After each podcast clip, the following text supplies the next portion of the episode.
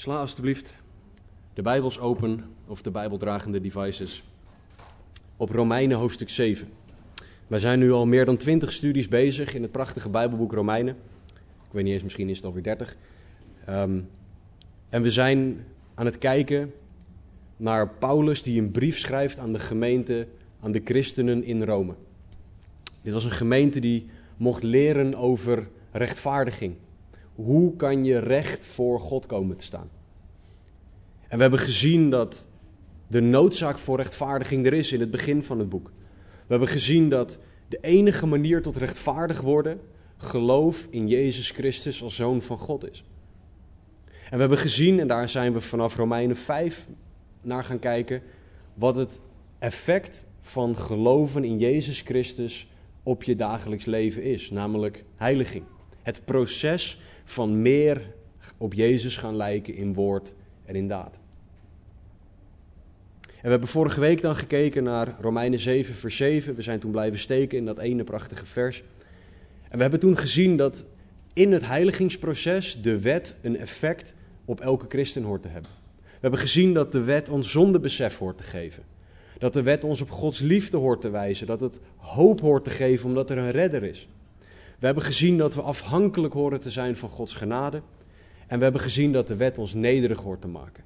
Omdat de wet perfect is en wij niet. En vanaf vers 8, waar we vandaag naar gaan kijken, we zullen tot en met vers 19 komen vandaag. Dus een hele, voor mij doen een hele grote sprong in de tekst. Maar vandaag gaan we zien dat ja, de wet is er. Ja, het heiligingsproces is er. Maar dat levert wel een innerlijke strijd op in de christen. Het levert wel op dat wij worstelen. We worstelen met onszelf en we worstelen met de wet. We worstelen met dat we weten wat goed is en willen wat goed is, maar dat niet altijd doen. En dat levert innerlijke, dagelijkse innerlijke strijd op als christen. En Paulus laat ons hier zien dat dat niks vreemds is. Dat je niet raar bent als je worstelt, maar dat het juist iets is wat een logisch gevolg is van het heiligingsproces in de mens. Dus laten we samen lezen Romeinen 7, vers 8 tot en met 19 en daarna gaan we terug en gaan we er vers voor vers doorheen.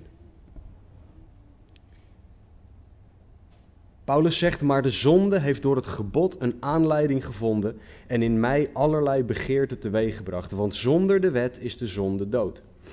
Ik leefde nu voorheen zonder wet, maar toen het gebod kwam, is de zonde weer levend geworden. Ik echter ben gestorven. En het gebod dat tot leven had moeten leiden, bleek voor mij de dood te betekenen. Want de zonde heeft door het gebod een aanleiding gevonden en mij misleid en daardoor gedood. Zo is dan de wet heilig en het gebod is heilig en rechtvaardig en goed. Is dan het goede de oorzaak van mijn dood geworden? Volstrekt niet. Maar de zonde heeft, opdat zij als zonde zichtbaar zou worden, door het goede voor mij de dood teweeggebracht, opdat door het gebod de zonde uitermate zondig zou blijken te zijn. Want wij weten dat de wet geestelijk is, maar ik ben vleeselijk, verkocht onder de zonde. Wat ik namelijk teweeg breng, doorzie ik niet. Want niet wat ik wil, dat doe ik, maar wat ik haat, dat doe ik. En als ik dat doe wat ik niet wil, val ik de wet bij dat zij goed is. Nu ben ik, echt, ben ik het echter niet meer die het teweeg brengt, maar de zonde die in mij woont. Want ik weet dat in mij, dat is in mijn vlees, niets goeds woont. Immers het willen is er bij mij wel, maar het goede teweeg brengen, dat vind ik niet. Want het goede dat ik wil, dat doe ik niet. Maar het kwade dat ik niet wil, dat doe ik. Laten we bidden. Vader God, dank u voor uw woord. Dank u wel dat uw woord heilig, perfect, vol liefde en genade is. En heren, leg dat woord vandaag aan ons uit.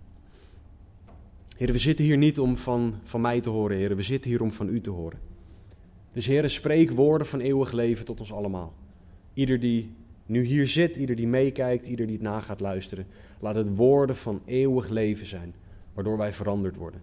Waardoor wij meer gaan leven naar uw wil. En heren, bovenal bidden we dat mensen door geloof gaan, tot geloof gaan komen door uw woord heen. Niks van mij, heren, laat er alleen maar uw woorden bij zitten. En heren, we vragen dit in Jezus' naam. Amen. In vers 7 en 8 van Romeinen 7 is Paulus aan het laten zien dat de wet een grote rol heeft in het proces van heiliging. En hij, heeft, hij, hij laat ons zien dat heiliging een proces is dat plaatsvindt vanaf het moment dat je tot geloof komt, tot het moment dat je komt te overlijden of de opname gebeurt. En in dat proces, en dat is waarom Paulus de wet aanhaalt, hebben wij de wet nodig. Want de wet heeft een functie in het heiligingsproces. Want door de wet zien wij wat heilig is en daarmee wat niet heilig is. Door de wet weten we wat wel en wat niet naar Gods wil is. En door de wet gaan we zien hoe God wil dat wij wel en dat wij niet leven. En God is, de, is degene die de wet gebruikt om ons dat te laten zien. En in vers 7, vorige week, of twee weken geleden, sorry, hebben we gezien dat de wet geen zonde is. Is de wet zonde? Volstrekt niet, zegt Paulus. Op geen enkele manier is de wet, de tien geboden, het Oude Testament, op geen enkele manier is dat zonde, want Jezus vervulde de wet. En Jezus was zonder zonde. Dus kan de wet nooit zonde zijn. De wet legt voor ons de lat op perfectie. Maar in vers 8 zegt Paulus iets heel bijzonders. Hij zegt: De zonde heeft door het gebod een aanleiding gevonden en in mij allerlei begeerten teweeggebracht. Wat Paulus hier zegt is dat de wet voor ons een reden is om te zondigen. Dat is raar. Hoe werkt dat? Nou, vertel maar tegen een kind dat ze iets niet mogen doen. Wat gaan ze doen? Vooral ouders met kleine kinderen weten dat. Ze gaan precies dat doen waarvan je zei dat het niet mocht. Dat is hoe de wet voor ons een aanleiding is om dingen te doen. Wij willen altijd dat doen wat net niet mag. En dat is hoe de wet voor ons werkt. De wet laat ons zien wat niet mag en onze zondige natuur zegt dan, oh, maar dan wil ik juist dat. Dan wil ik precies dat waarvan de wet zegt, waarvan God zegt dat het niet mag. Dat is ons hart. Ons zondige hart, onze zondige natuur ten opzichte van de wet. De wet zegt dat je niet mag stelen. Wij stelen. Van de Belastingdienst, van. We hadden een snoepje, een, een euro hier en daar. We nemen pennen mee van ons werk. Misschien neem je meer mee van je werk of neem je, steel je meer van anderen. En het woord zegt dat we dat niet horen te doen, maar wij doen het wel. De wet zegt dat je niet mag begeren. Niet iets anders mag, iets mag willen hebben dat de ander heeft. En dat het jou aan zal zetten om te zondigen om dat te krijgen. Nou, kijk maar om ons heen. Wij begeren van alles wat de ander heeft. En wij zijn bereid om heel ver te gaan om dat te krijgen. De wet zegt: gij zult geen overspel plegen. En kijk eens wat een van de grootste problemen in onze samenleving op het moment is. Overspel op de meest bijzondere manieren. En dit zijn slechts drie voorbeelden van dingen waarvan de wet zegt dat we het niet horen te doen. Maar die wel structureel gebeuren omdat onze zondige natuur wil wat God verbiedt. En daarmee is dus de wet een aanleiding om dingen te doen. Daarmee zet de wet ons aan tot zonde. Het is en blijft onze keuze, dus wij kiezen nog steeds om te zondigen. Dat zal nooit iets zijn waarvoor wij God de schuld kunnen geven. Maar je hoeft maar om je heen te kijken naar kleine kinderen en ook naar minder kleine kinder, kinderen. En ze zullen doen wat ze niet mogen doen. Dat is hoe wij mensen, hoe onze zondige natuur werkt. Wij willen dat wat we niet horen te doen. Maar het is niet zo dat God ons dingen verbiedt omdat God het leuk vindt. En dat hij in de hemel zit en zegt: Wat zal ik vandaag nou weer eens verbieden? Dat vind ik gewoon leuk, dat vind ik lekker. Dat is niet hoe God werkt. God verbiedt dingen die niet goed zijn voor ons. Want God weet het beter. Dat gebeurt als je alwetend bent. God weet wat wel en niet goed voor de mens is. En daarom zegt hij: Dit hoor je wel te doen en dat hoor je niet te doen. Daarom heeft God de wet gegeven. Daarom heeft God het woord gegeven om ons te laten zien wat wel en wat niet goed is. Wat wel naar zijn wil is en wat niet naar zijn wil is. En doordat God ons de wet gaf, kunnen wij nu zien wat zonde is. En waarom is dat belangrijk in het heiligingsproces? Nou, Jezus was zonder zonde. Dus door de wet horen wij te gaan zien wat nog zonde in ons is, zodat we dat bij God kunnen brengen. En kunnen vragen, Heer, haal het uit mij weg. Want het is niet in overeenstemming met Jezus. Jezus loog nooit. Jezus stal nooit. Jezus heeft nooit overspel gepleegd. Nooit iets begeerd wat niet van hem was. Dat is hoe wij horen te zijn. Dat is de nieuwe natuur die wij hebben. Dat is hoe God wil dat wij leven. En door de wet laat hij zien wat nog zonde in ons is en waar hij aan wil sleutelen. En wat God uit ons wil halen. Paulus zegt in vers 9, ik nu leefde voorheen zonder wet. Paulus die kijkt even terug. Maar toen het gebod kwam, nu is de zonde weer levend geworden. Ik echter ben gestorven. Paulus zegt, voordat ik met de wet leefde, was er al zonde. Alleen de wet heeft laten zien en bevestigd dat het zonde is. Romeinen 2:12 zegt, want zij die zonder wet gezondigd hebben, zullen ook zonder wet verloren gaan. En zij die onder de wet gezondigd hebben, zullen door de wet geoordeeld worden. En niemand is te verontschuldigen. Zonde is en blijft zonde. Altijd. Omdat God dat bepaalt. Er zal nooit een moment komen dat er een mens is die zegt: Ja, maar ik wist dit niet. Want God heeft ervoor gezorgd dat ieder mens hieronder valt. Zonder wet gezondigd, dan heeft God jou iets gegeven in de mens, onder andere ons geweten, waardoor we weten dat iets niet klopt. Als je de wet kent, dan weet je dat de dingen die je doet, dat die niet kloppen. Niemand is te verontschuldigen. Allen zijn doemwaardig voor God, zegt Romeinen 3. Ieder mens valt onder Romeinen 2:12. Maar de vraag is, als je dan weet wat zondig is, is wat doe je ermee?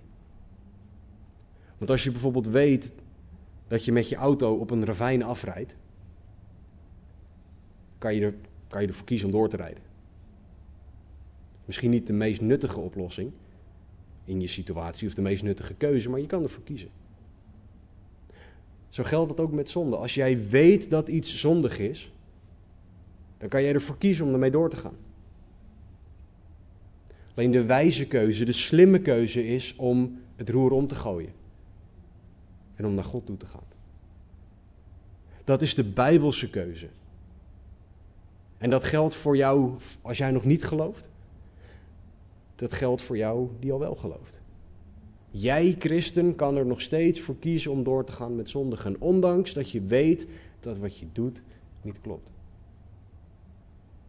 Alleen de vraag is: kies jij voor God en draai jij het roer om, het stuur om, hoe je de vergelijking ook wil doortrekken? Of blijf jij doorgaan met alle gevolgen van dien? Ik zeg niet dat je door door te gaan met zondigen als christen je redding verliest. Een hele andere discussie, die mag je best met een keer met me voeren na deze preek. Maar de keuze is, ga jij door met zondigen als je het weet? Of kies jij voor God en kies jij voor verandering?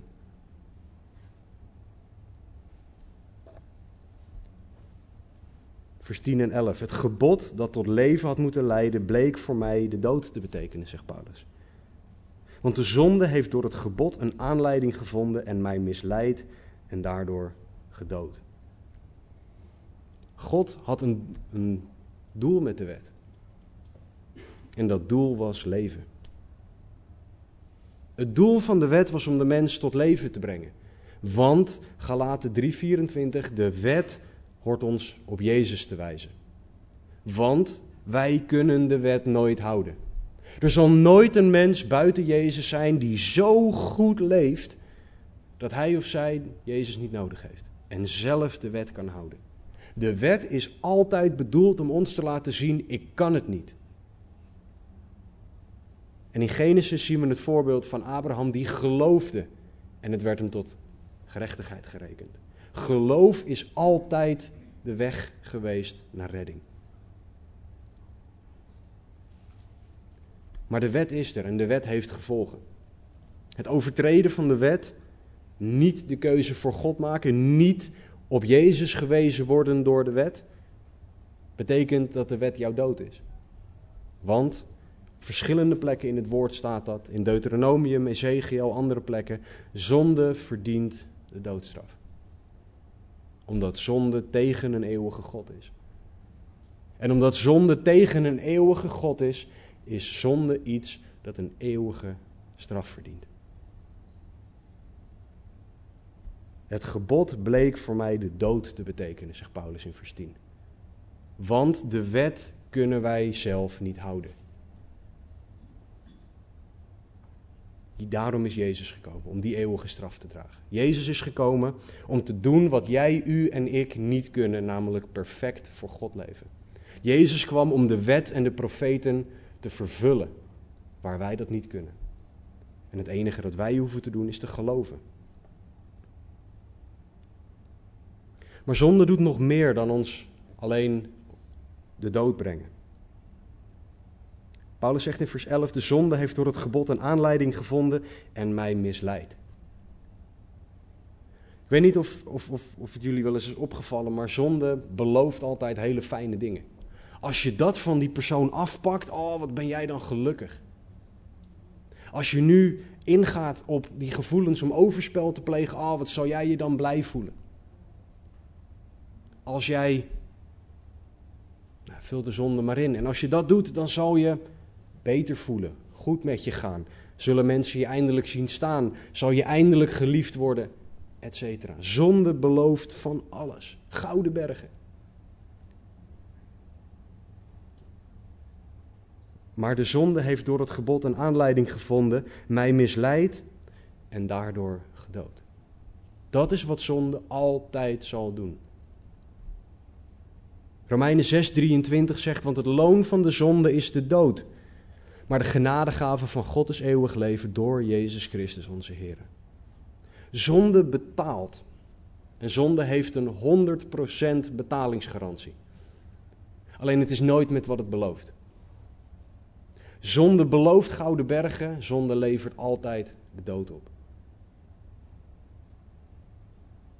En zonde raakt altijd een ander. Er is nooit een moment dat jij alleen zondigt tegenover God en dat je er niemand mee raakt. Nooit zal jij alleen tegen jezelf zondigen. Want als jij liegt, lieg je tegen een ander.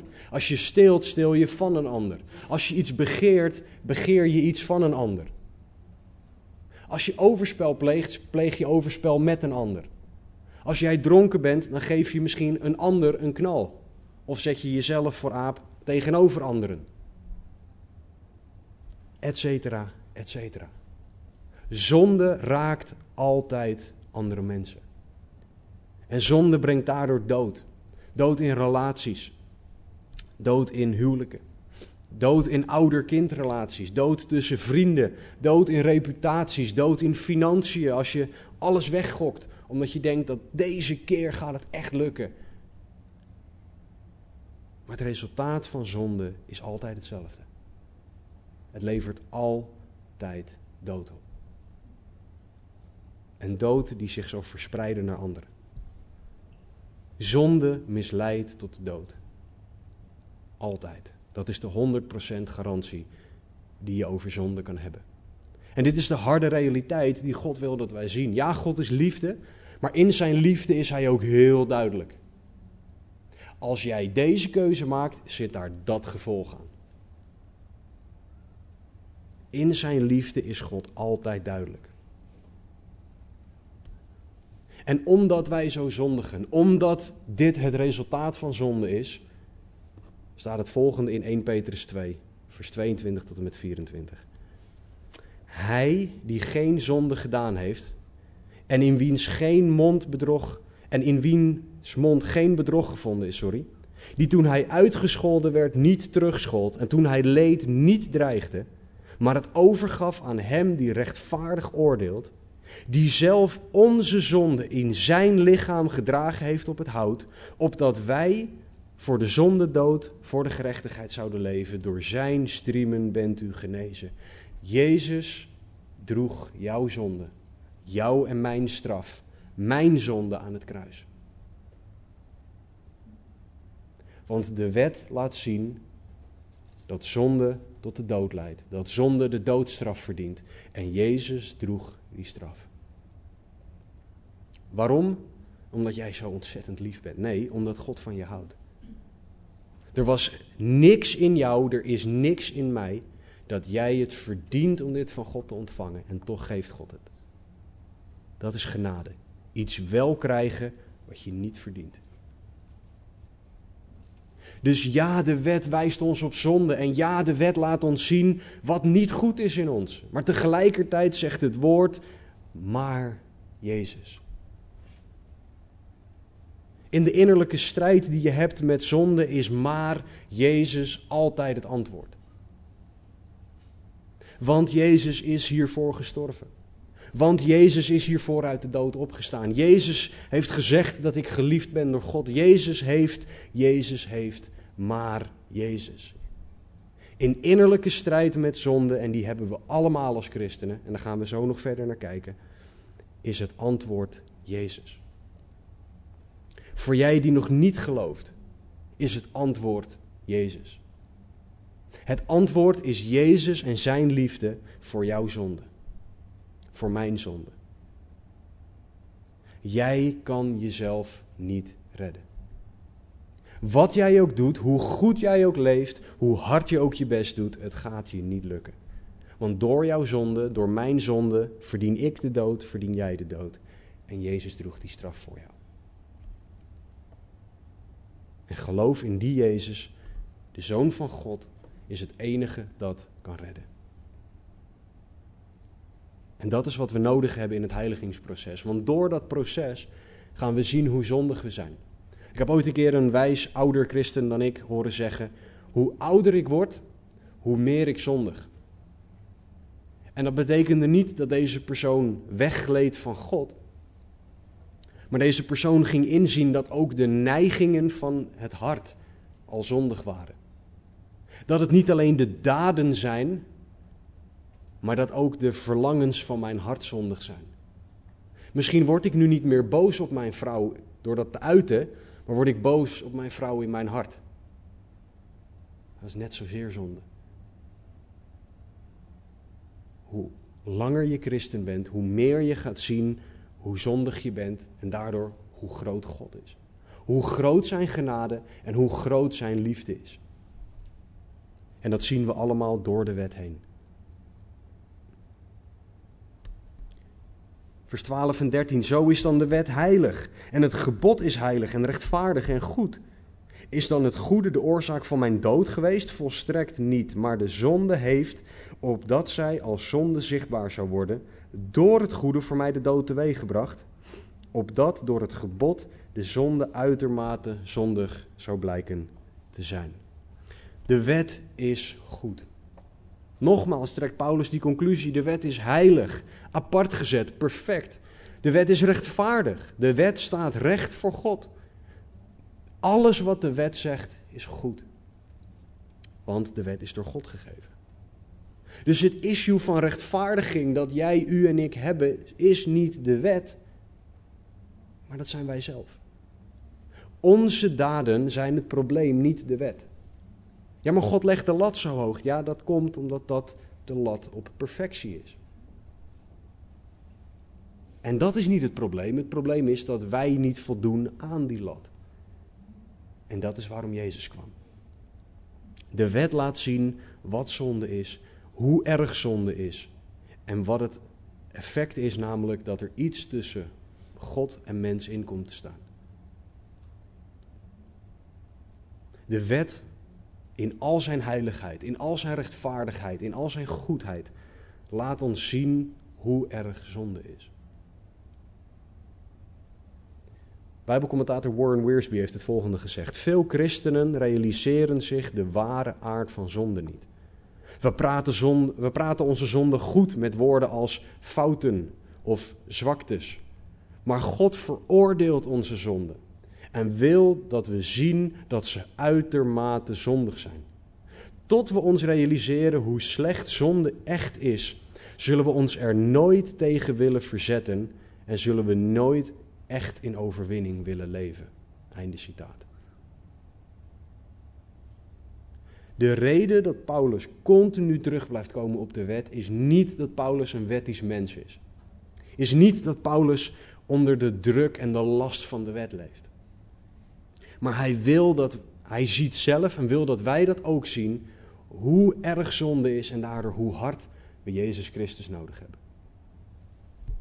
God wil dat wij inzien wat zonde echt is. Dat we het eens zijn met Hem over zonde in de plaats van zoals de wereld over zonde denken. En God wil dat we dit inzien omdat Hij van ons houdt en het beste voor ons wil. Door ons op de wet te wijzen, laat God zien hoe hard wij Hem nodig hebben. Laat God zien dat alleen Hij ons kan helpen. Want wij kunnen het niet. Nooit en wij zullen het ook nooit kunnen. De wet is goed, de wet is rechtvaardig, de wet is heilig en wij niet. Vers 14, en hier begint Paulus, een, zien we een inkijk in Paulus' hart. Hier zien we hoe Paulus door het dagelijkse leven ging. Paulus zegt in vers 14, want wij weten dat de wet geestelijk is, maar ik ben vleeselijk verkocht onder de zonde. Paulus wil de praktijk van heiliging en heilig leven laten zien. En de noodzaak voor heiliging die dagelijks nodig is. De wet is geestelijk, maar wij vleeselijk. En dat betekent zoveel als dat wij dingen willen die niet geestelijk zijn. Wij willen dingen die niet naar de wil van God zijn. Wij worden geregeerd door onze zondige natuur. En dat is een issue. Warren Wiersbe, nogmaals Bijbelcommentator, zegt: Onze natuur is vleeselijk, maar de natuur van de wet is geestelijk. Dit verklaart waarom de oude natuur op de wet reageert zoals het doet.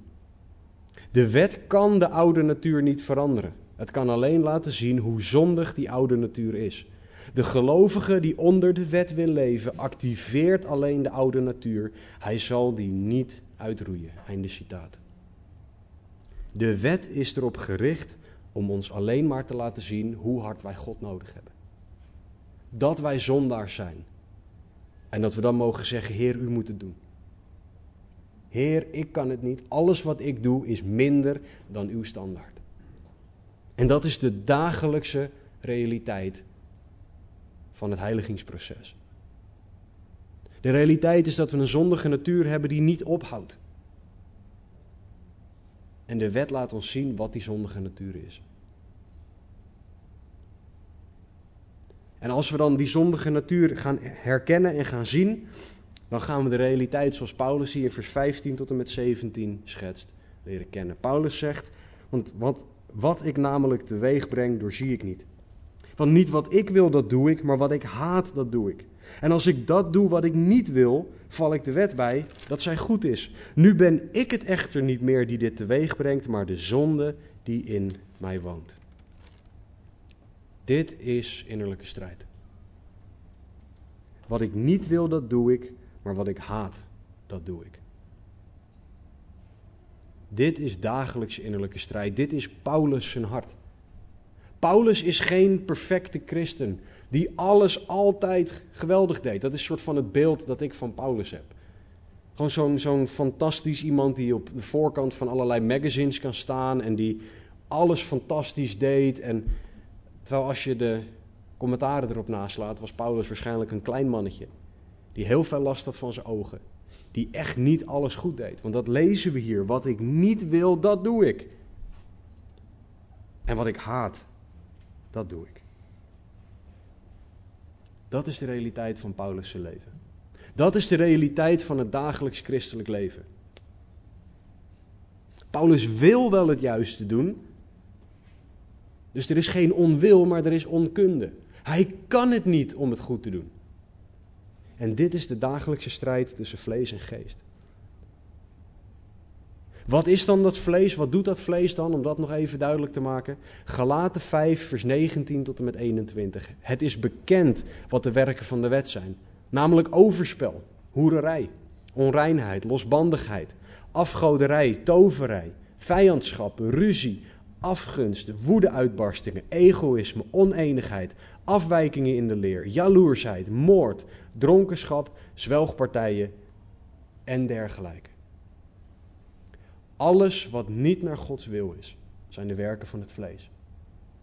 Alles waarbij God niet centraal staat, alles waarbij God niet geëerd wordt, maar waarbij ik centraal sta, dat zijn de werken van het vlees. De uiting verschilt. De een worstelt met de ene zonde, de ander worstelt met de andere zonde. Maar de strijd is voor iedere christen gelijk. En Paulus zegt deze dingen niet in, in Romeinen 7, om maar te zeggen, nou ja, die strijd is er, dus hè, laat maar lekker zitten.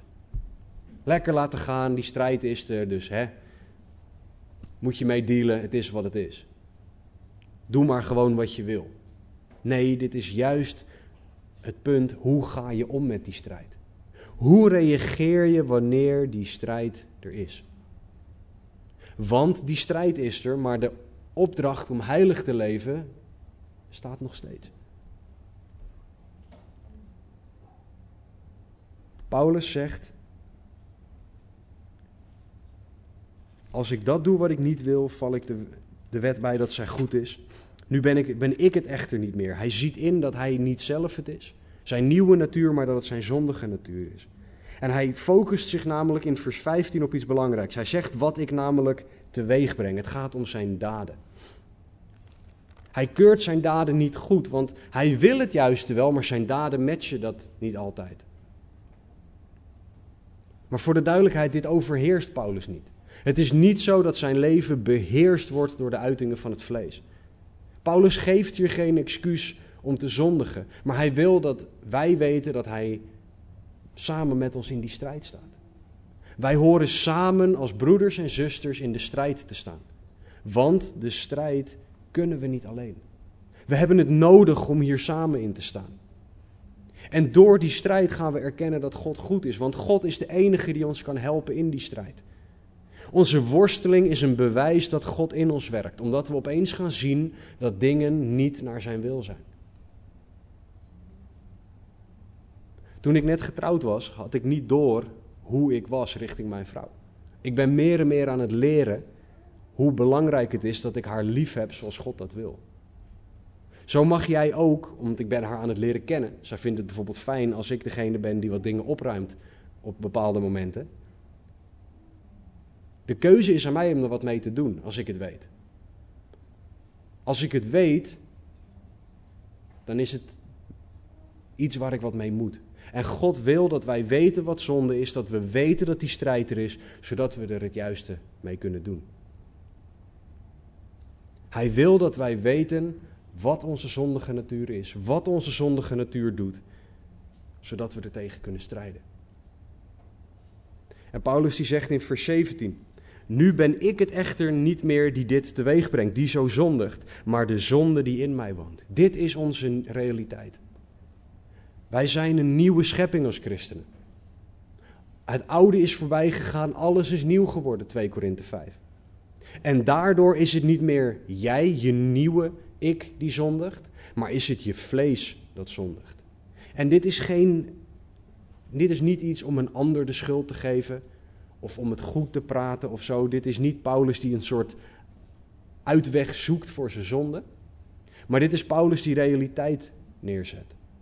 Er is een strijd tussen onze oude en onze nieuwe natuur. Een dagelijkse worsteling tussen wat ik weet dat goed is en wat ik zou willen doen en wat ik daadwerkelijk doe. Wat niet matcht of niet altijd matcht met Gods wil. Deze strijd is realiteit. Deze innerlijke strijd is er voor iedere wedergeboren christen. Want dit is de realiteit die we in het woord zien. Paulus zegt, vers 18, want ik weet dat in mij, dat is in mijn vlees, niets goeds woont. Dit is de realiteit van, van de dag. Immers het willen is er bij mij wel, maar het goede teweeg brengen, dat vind ik niet. Want het goede dat ik wil, doe ik niet, vers 19, maar het kwade dat ik niet wil, dat doe ik. Paulus weet wat juist is. Dus het zit niet eens in. Het is niet alleen dat hij weet wat goed is en dat hij wil wat goed is, maar nog steeds worstelt hij met zijn vlees. Zijn vlees en de wil van zijn vlees, de, de dingen die het vlees doet, matchen niet met Gods wil. Het vlees kan niets goeds doen in Gods ogen. Galaten 5:17 zegt: Want het vlees begeert tegen de geest in en de geest tegen het vlees in en die staan lijnrecht of die staan tegenover elkaar, zodat u niet doet wat u zou willen. Het vlees begeert tegen de geest in. De geest wil heilig en voor God leven. En het vlees wil zondig en egoïstisch leven. Dit staat lijnrecht tegenover elkaar. Er is nooit een moment dat wij vlees en geest met elkaar kunnen verenigen. Want ze willen allebei totaal andere dingen. God wil dat ik mijn vrouw dien, mijn vlees wil dat mijn vrouw mij dient. God wil dat ik de waarheid spreek, ook als het mij niet uitkomt. Het vlees wil dat ik de waarheid zo verdraai dat het mij goed uitkomt. Zo wil het vlees altijd iets anders dan wat de geest van God wil. De geest van God wil dat ik mijn tijd, mijn geld en mijn energie inzet om mensen te bereiken voor het evangelie. Mijn vlees wil dat ik mijn tijd, mijn geld en mijn energie inzet om mijn eigen leven nog comfortabeler te maken. Om mijn eigen leven leuker te maken. Om mijn eigen wil te doen. Om te voldoen aan mijn verlangens. En daarbij sta ik centraal in de plaats van dat God en zijn eer centraal staan. De situatie die Paulus hier omschrijft is onze situatie, is jouw situatie, is mijn situatie. We weten wat goed is, we willen vaak ook wel doen wat goed is, maar we doen het niet. We zondigen soms. En ik hoop dat het meer en meer de realiteit wordt dat we wel zullen doen wat God wil, maar totdat we sterven zullen wij blijven zondigen. En dit is een realiteit waar je je bewust van moet zijn. Nogmaals, niet als een excuus, maar zodat je weet wat je te wachten staat. Want Satan, de vijand, die wil tegen jou zeggen: Jij bent de enige. Het is echt niet normaal dat jij hiermee worstelt. Je moet je echt heel diep schamen. Het kan echt niet dat jij hiermee worstelt. Er is niemand die hiermee zit en je kan dit tegen niemand vertellen. Wat zullen ze wel niet over je denken? En God zegt: Ik weet het. En ik heb mijn zoon voor jou gegeven. God zegt: Kom naar mij toe. Vraag om vergeving. En ik zal je vergeven. Satan wil ons van God afduwen. Je kan elke gedachte kan je toetsen aan één vraag.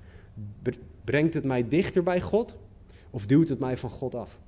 En Satan zal maar één ding doen. En dat is jou van God afduwen. Want dan gaat hij zeggen, ja, maar je, dit is ook echt iets, daar kan je echt niet mee naar God. Dit gaat echt te ver voor God. Hier is Jezus niet voor gestorven. Onze reactie op deze strijd is waar het om gaat. Want het feit dat we weten dat er innerlijke strijd is, stelt ons weer voor een keuze. Laat ik het ze beloop? Vind ik het wel best? Heb je er geen zin meer in? Ben je moe van het strijden? Of ga je er tegenin? We gaan binnenkort gaan we verder in Romeinen 7 en dan zullen we het vers ook gaan behandelen wat ik nu aan jullie wil voorlezen. Paulus stelt namelijk dezezelfde vraag. Hij zegt in Romeinen 7, 24, 25: Ik, ellendig mens, wie zal mij verlossen uit het lichaam van deze dood? Ik dank God door Jezus Christus, onze Heer. Jezus is altijd het antwoord. Jezus is het enige antwoord. Als, er als je een multiple choice test in zou vullen met de vraag wie kan jou helpen uit zonde, is antwoord A, B, C en D is Jezus. En dat is het enige juiste antwoord. Want wat, wat prachtig is, en daar zullen we binnenkort in heel veel detail naar gaan kijken. Maar Paulus zegt in vers 24: Ik ellendig mens, wie zal mij verlossen? Er is geen formule, geen proces, geen magisch gebed dat je uit kan spreken. Geen Bijbeltekst dat als je die uit je hoofd kent, dan komt alles goed. Er is een persoon die jou kan redden. Een persoon die jou wil helpen in deze strijd.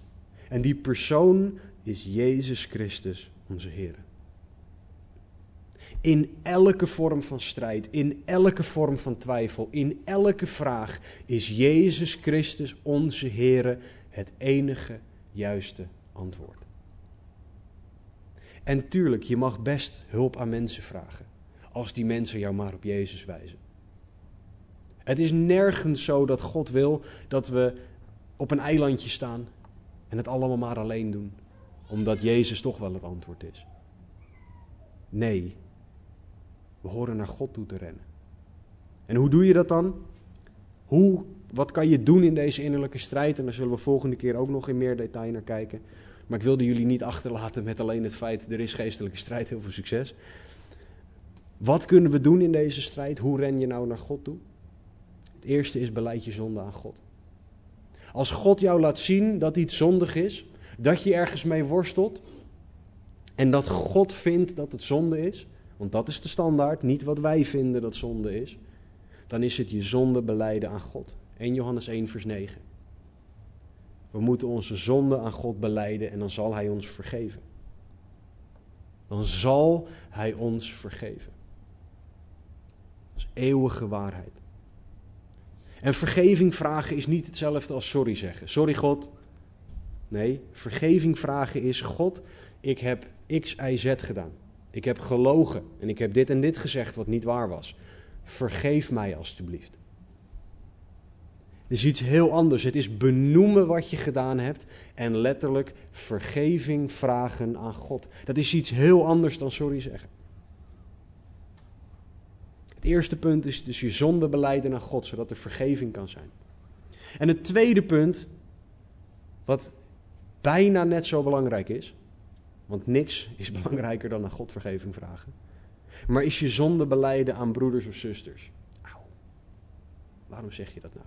Waarom zeg ik dat? Omdat het in het woord staat. Dit is zo krachtig. Want Satan wil je, duidelijk, wil je zeggen, nou, maar niemand die mag hiervan weten. En als iemand dit hoort, dan ben jij klaar. Dan is, dan, dan is je reputatie weg en niemand wil meer iets met je te maken hebben. Maar God wil dat wij zonde beleiden aan elkaar. Jacobus 5:16. Waarom? Niet zodat we de donkere kamertjes van elkaars hart weten. En ook is het niet zo dat als je in een kerk binnenloopt, dat je een willekeurig persoon uit de zaal moet pakken en even je hele historie aan zonde bij die persoon hoeft neer te leggen. Maar wanneer je een relatie met iemand opbouwt, kan je iemand opbellen, iemand een berichtje sturen, iemand aanspreken en zeggen: Ik worstel, ik heb gezondigd, ik heb hulp nodig. Kan je mij helpen hierin om, om naar God toe te gaan?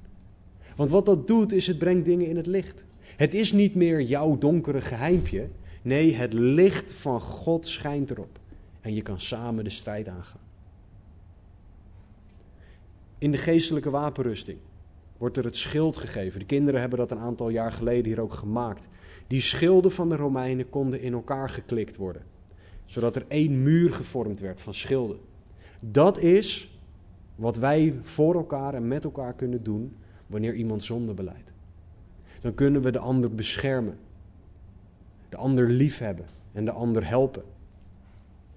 Ik kan niet omschrijven hoeveel goeds het mij gedaan heeft en nog steeds doet. Dat er broeders zijn, dat er zusters zijn die mij vragen naar dingen, naar zonde in mijn leven. Dat er broeders zijn die aan mij vragen hoe het met mij gaat. En dat ik weet dat ze meer bedoelen dan of ik het weer wel lekker vind of niet. Maar dat ze bedoelen hoe zit het in jouw strijd met, met zonde. Die broeders, die zusters heb ik. En dat horen we richting elkaar te doen. De eerste stap om met deze innerlijke strijd om te gaan is vergeving aan God vragen, je zonde beleiden aan God. De tweede stap is je zonde beleiden aan broeders of zusters. En de laatste stap is ga de geestelijke strijd aan. Ik weet dat dat heel veel zegt. Dat, zijn, is een heel groot punt, ga de geestelijke strijd aan. En daar zullen we een andere keer ook nog op terugkomen. Maar dat werkt op een met een aantal dingen als volgt. Laat jouw gedachten niet beheerst worden door zonde. Maar 2 Korinthe 10, vers 3 tot en met 5, breng jouw gedachten onder de heerschappij van Christus. 2 Korinthe 10, vers 3 tot en met 5. Lees dat alsjeblieft door. Als je er vragen over hebt, spreek me aan. Maar breng jouw gedachten onder de heerschappij van Christus. Want dat waar jij aan denkt, is wat jouw hart gaat vullen. En wat je hart gaat vullen, is wat jij gaat doen. Dus laat je gedachten gevuld worden met, door de dingen van Christus. Kijk naar de wapenrusting die we van God krijgen in Efeze 6. We hebben daar ook studies over online staan als je die in meer detail wil beluisteren. Maar die wapenrusting van God hebben we nodig om sterk te kunnen staan. En weet dat in Hem wij meer dan overwinnaars zijn, Romeinen 8. Het kan niet zo zijn dat jij denkt, ik moet dit helemaal zelf doen. Want God wil de strijd voor ons strijden. In Hem zijn wij meer dan overwinnaars. En dat betekent dat jouw relatie met God sterk moet zijn. En dan ga ik weer terugvallen in herhaling. Ik zeg dit wekelijks. Lees structureel elke dag je Bijbel. Bid elke dag dat je groeien mag. Het lijkt wel het kinderliedje. En dat zeg ik niet omdat lezen zo fantastisch leuk is. Ik vind lezen best leuk. Dat zeg ik niet omdat er enige andere reden is om dat te doen dan dat het woord van God ons erop wijst dat dit nodig is. Dit is wat wij nodig hebben om onze relatie met God te bouwen. Om sterk te staan in de strijd die gaat komen, die er is, waar je middenin staat. Luister goede preken, met de nadruk op goede preken. Er is erg veel content online. Luister naar dingen die bijbelgetrouw zijn. Toets alles wat wij hier zeggen aan het woord. Want alles wat wij zeggen moet matchen met de Bijbel, want anders klopt het niet wat wij zeggen. De Bijbel is waarheid. Dus luister preken die jou het woord van God uitleggen. Luister goede aanbiddingsmuziek. Muziek die op God gericht is. Muziek waarbij jij afhankelijk wordt van God. Wat kan je nog meer doen voor een sterke relatie met God? Nou, ga naar de eredienst. Vorige week heeft Stan ons zeer duidelijk, heel duidelijk, laten zien dat we naar de, de dienst horen te gaan. Niet omdat het zo gezellig is om hier in een ruimte te zitten, maar omdat het goed is om met broeders en zusters samen te komen en op God gericht te zijn. En als laatste punt, doe mee aan onze, we hebben dan online fellowship groepen, die we door de week hebben als aanvulling op de zondag. Dit zijn de dingen die Handelingen 2:42 omschrijft als wat een kerk hoort te doen en daarmee wat een christen hoort te doen. Dit is wat jij nodig hebt om overeind te blijven in de geestelijke strijd. En waarom vertelt God ons dit? Psalm 103, vers 14. Want hij weet wat voor maaksel wij zijn en blijft bedenken dat wij stof zijn. God moet dit aan ons vertellen. Hij moet dit in ons doen omdat wij het uit onszelf niet kunnen. En wij kunnen het niet. Wij kunnen onszelf niet redden. Wij kunnen niet zelf overeind blijven in deze strijd. God moet dat in ons doen. En dat is hoe dankbaar we voor God mogen zijn. Hoe dankbaar we mogen zijn voor Jezus Christus. Christen, iedere dag ga jij deze strijd tegenkomen. Dat is niet deprimerend, want er is hoop, want Jezus is overwinnaar. En weet je wat ook heel hoopgevend is? Het feit dat je überhaupt worstelt. Charles Spurgeon zei het als volgt: zal het eerst in het Engels, daarna in het Nederlands zeggen. Dead men don't wrestle. Dode mensen worstelen niet. Oftewel, als jij geestelijk dood bent, als jij niet gelooft, dan worstel je niet met of iets zonde is. Maar wanneer jij levend gemaakt wordt, dan ga je er opeens mee worstelen. En dat is een fantastisch teken, want dat betekent dat er nieuw leven in jou is.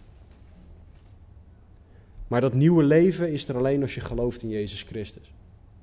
En dat is de belangrijkste vraag van vandaag. Geloof jij in Jezus zoals de Bijbel hem omschrijft? Niet Jezus zoals je hem zelf wil bedenken, maar de Jezus zoals het woord van God hem omschrijft. Als het antwoord daar nee op is, dan is vandaag jouw kans. Vandaag is de dag van redding. Er is nieuw leven, er is hoop, Gods liefde. En dat is er allemaal voor jou. God wil niet dat jij in zonde leeft en zelf de consequenties van jouw zonde moet dragen. Want die consequenties zijn een eeuwige dood. op basis van jouw zonde. Jezus heeft deze straf al gedragen voor jou. Dus ga hem niet nog een keer zelf dragen. Dat is niet nodig. Dus geloof in Jezus, vraag om vergeving voor je zonde en je zal eeuwig leven ontvangen. Christen, jij die wel al gelooft, ervaar jij deze strijd? Of heb je het opgegeven? Geef je maar gewoon toe, want je hebt geen zin meer om te knokken. Wil jij Gods wil doen? Wil jij Gods wil leren kennen? Of heb je dat opgegeven? Weet jij wat Gods wil is? Weet jij door het lezen van het woord, door het bestuderen van de wet, wat wel en niet klopt en vraag jij dan aan God om jou daarin te veranderen? Christen, laat de geest van God jou regeren. Beleid je zonde aan God, beleid je zonde aan elkaar en ga de geestelijke strijd aan, zodat jij overeind zal blijven in deze innerlijke strijd. En jij keuzes zal maken naar Gods wil. Laten we bidden. Heere God, uw naam zij geprezen. Dank u wel voor wie u bent en dat u zoveel van ons houdt. Dank u, Heere, dat wij mogen zien dat wij het zelf niet kunnen. En Heere, in een wereld waarin wij doodgegooid worden met dat je dingen zelf moet kunnen en zelf en zelf en zelf. Heere, dank u wel dat u ons laat zien dat wij afhankelijk van u mogen zijn. Heer, dat die afhankelijkheid nodig is, omdat we het zelf gewoon niet kunnen. Heer, u weet dat die innerlijke strijd er dagelijks is. Dat die innerlijke strijd er elk moment is. Maar Heer, toon ons uzelf in die strijd. Leer ons om naar u te rennen. Om onze zonde te beleiden aan u. Onze zonde te beleiden aan elkaar. En om de strijd aan te gaan zoals uw woord dat omschrijft. Heere, doe wonderen vandaag alsjeblieft. Breng mensen tot geloof. Laat ze zien hoe ongelooflijk groot uw liefde is. Heer, u houdt van zondaars. Dank u wel. En Heer, op dit moment, laat ook een ieder zien wat die strijd is. Waar wij opgegeven hebben. Laat een ieder zien, Heer, waar wij mogen strijden vanuit de geest zodat wij u zullen dienen, u zullen liefhebben, u zullen eren voor wie u bent. Hemelse Vader, dank u dat u zo goed bent, zo trouw. Heer, leid ons om onze zonde te zien en er op een bijbelse manier de strijd mee aan te gaan. Heer, dank u wel. In dit alles zijn wij meer dan overwinnaars door Hem die ons heeft liefgehad. Want ik ben ervan overtuigd dat nog dood, nog leven, nog engelen, nog overheden, nog krachten, nog tegenwoordige, nog toekomstige dingen, nog hoogte, nog diepte, nog enig ander schepsel ons zal kunnen scheiden van de liefde van God in Christus Jezus, onze Heer. Ga in die liefde deze week in. Ga in die liefde de strijd aan. Omdat je mag weten dat God van je houdt dat Hij de overwinning al behaald heeft. En dat wij dus alleen nog maar afhankelijk van Hem hoeven te gaan leven.